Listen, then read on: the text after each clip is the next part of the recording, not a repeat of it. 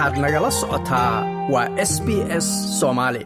kooxaha falastiiniyiinta dalkan austreeliya ayaa soo dhoweeyey ammaanayna. Go'aanka dowladda austreeliya ay qaadatay ee ah inay isticmaasho ereyada dhulka falastiiniyiinta ee la haysto marka ay tilmaamayso ama laga hadlayo west bank iyo khaza tallaabadan ayaa waxaa markiiba dhaliilay kooxaha yuhuudda ah oo iyagu ku tilmaamay mid aan sax ahayn taariikhiyana qaldan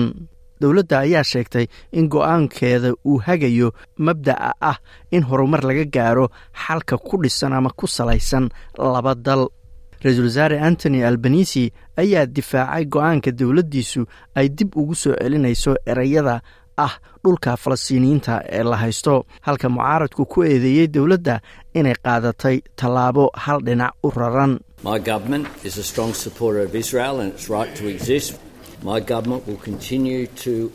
dowladdu aad ayay u taageersan tahay israa'iil iyo xaqa ay u leedahay jiritaankeeda.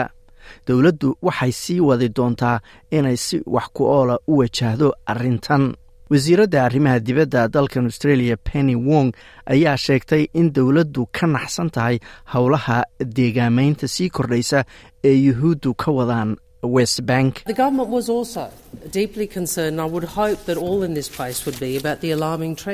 dowladdu aad ayay uga walaacsan tahay waxayna qayb ka tahay isbedelada walaaca badan leh ee dhowaanahan ka socday bariga dhexe. Waxaanu rabnaa inaannu tilmaanno in isbedeladan ay aad u wiiqayaan rajada laga qabo nabad lagu soo dabaalo gobolka. Waxaan aragnaa rabshado sii kordhaya nafo ay ku waayeen falastiiniyiin iyo israa'iiliyiinba oo ah dad rayida balse afhayeenka mucaaradka u qaabilsan arrimaha dibadda simon birmingham ayaa ku adkaysanaya in isbeddelkan ay dowladdu dano kale ka leedahay. Position in relation to Israel yet again during the life of your government and done so in order to appease the factions ahead of next week's waxaad mar kale beddeshay booskii australia ay ka taagnayd arrimaha israa'iil muddaxileedka dowladdaada waxaadna saas u samaysay si aad u qanciso garabyo ka mida xisbigaaga ka hor shirweynaha xisbiga ee qaran ee toddobaadka soo socda la qabanayo waa xisbiga laybarke wasiiradda arrimaha dibadda ayaa sheegtay in australia ay arrintan kala midaysan tahay ama kala mid tahay dalalka u k new zealand iyo saaxiibo kale oo yuruba iyo weliba qaraarkii golaha ammaanka ee qaramada midoobay ee labadii kun iyo lix iyo tobankii kaasoo lagu sheegay in deegaamaynta dhulka falastiiniyiinta ee yuhuudda la dejinayo ay liddi ku tahay shuruucda caalamiga arrimahaas oo israa'iil iyadu ay ka soo horjeensatay sida australia arrintan ay ugu dhawaaqdo ama u wajahdo ayaa isbedbedelaysay sannado badan. Labadii kun iyo afar iyo tobankii xeerilaaliyihii guud ee wakhtigaas oo ka tirsanaa isbahaysiga talada hayay georgia brandes ayaa beddelay ereyadii hore loo isticmaali jiray oo ahaa la haysto una beddelay lagu muransan yahay isagoo sheegay in ereygaasi hore uusan habboonayn faa'iidana lahayn kooxaha falastiiniyiinta ayaa sheegay in isbeddelkan u dambeeyey ee dowladdu soo rogtay ee ah ereybedelidda ay tahay tallaabo dhanka wanaagsan loo qaaday. Nuura mansuur waxay ka tirsan tahay australia palestine advocacy network oo ah urur u dooda arrimaha falastiiniyiinta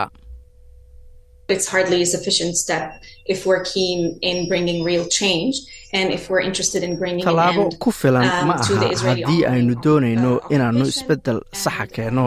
haddii aynu rabno inaan soo afjarno haysashada yuhuudda ee dhulka falastiiniyiinta iyo xadgudubyada xuquuqul bini'aadanka ee falastiiniyiinta lagula kacayo. Tallaabadan runtii waxay ku xiran tahay hadbaa sida aan ugu beddelno tallaabo wax ku ool ah oo dhulkaasi ka dhacda mike kisam wuxuu ka tirsan yahay ururka saaxiibada falastiiniyiinta ee dalkan australia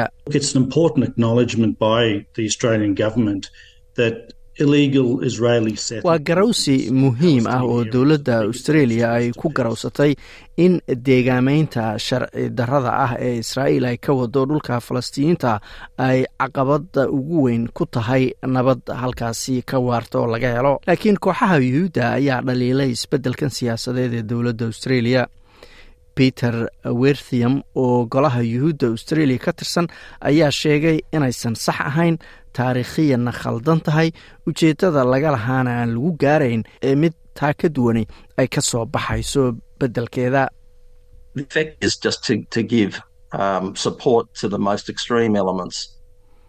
Waxaa ka dhalanaya waa in la taageerayo kooxaha ugu xag jirsan bulshada falastiiniyiinta ah. natiijaduna waxay noqonaysaa in labada dhinac ay aad u kala fogaanayaan ee ma aha mid isu keenaysa yuhuudda iyo falastiiniyiinta. Dor bren carlile oo ka tirsan zionist federation of australia oo ah urur isaguna u ololeeya arrimaha yuhuudda ayaa ku tilmaamay go'aanka dowladda. Midaan caqligalba ahayn